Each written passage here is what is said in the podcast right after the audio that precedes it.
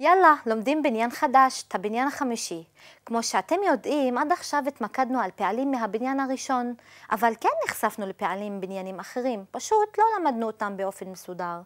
אם אתם לא יודעים מה זה בניינים, אל תתרגשו. זה בדיוק כמו בעברית שיש לנו, הולכים אבל מתהלכים. שני פעלים עם אותו שורש, אבל צורה קצת שונה. אז הצורה הזאת זה הבניין.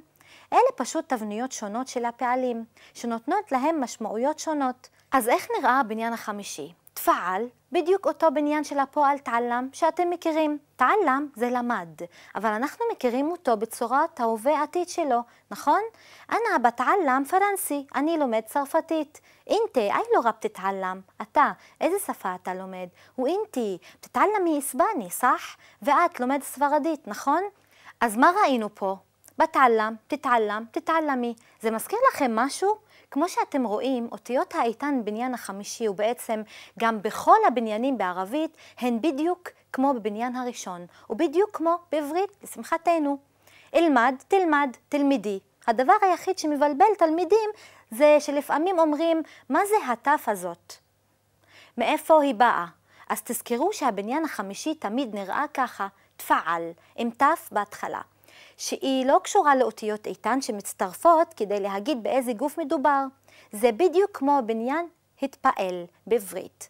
התף היא של הבניין, לא של השורש או של אותיות האיתן.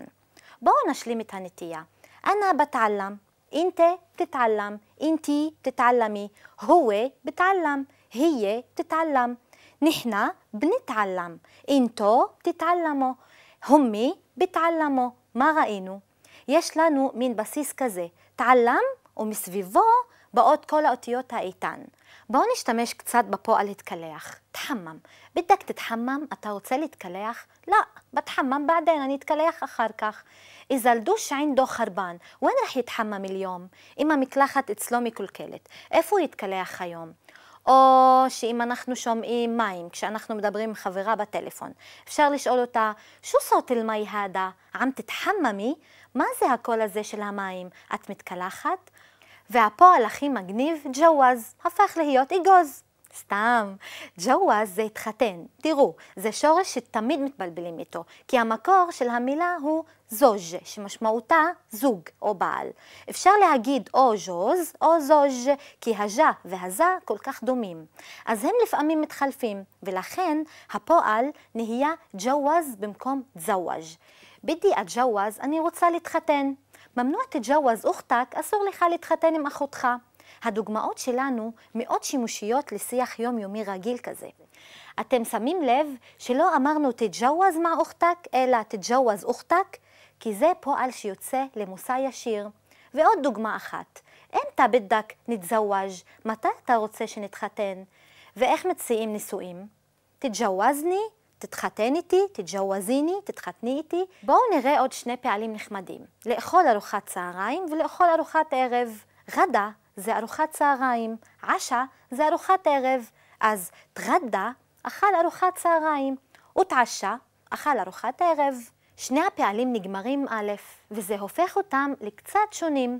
פשוט התנועה שיש בסוף הפועל באה במקום האלף. למשל, בתקום תתעשו מענה, רוצים לאכול איתנו ארוחת ערב? או לא, إحنا ما بنتغدى خلال רמדאן. לא, אנחנו לא אוכלים ארוחת צהריים במהלך רמדאן. ואולי הערה מסכמת לבניין חמישי, אתם תראו לאט לאט שלכל בניין יש את המשמעות שלו. המשמעות של בניין חמש היא הרבה פעמים רפלקסיבית. כלומר, מישהו שעושה פעולה על עצמו כזה. ממש דומה למשמעות של בניין התפעל בעברית. התקלח, השתפר, התקרב, אה, התחמם, וככה גם בערבית. תחמם, התקלח, ג'ווז, התחתן, תעלם, למד. ופעלים רגילים יותר, שלאו דווקא מבטאים איזה פעולה על עצמך, כמו תגדה, אכל ארוחת ערב. יאללה, תעלו נתמרן, בואו נתמרן. רגע, מה? יש עוד פעלים בבניין החמישי? זה היה האחרון לעכשיו, מבטיחה.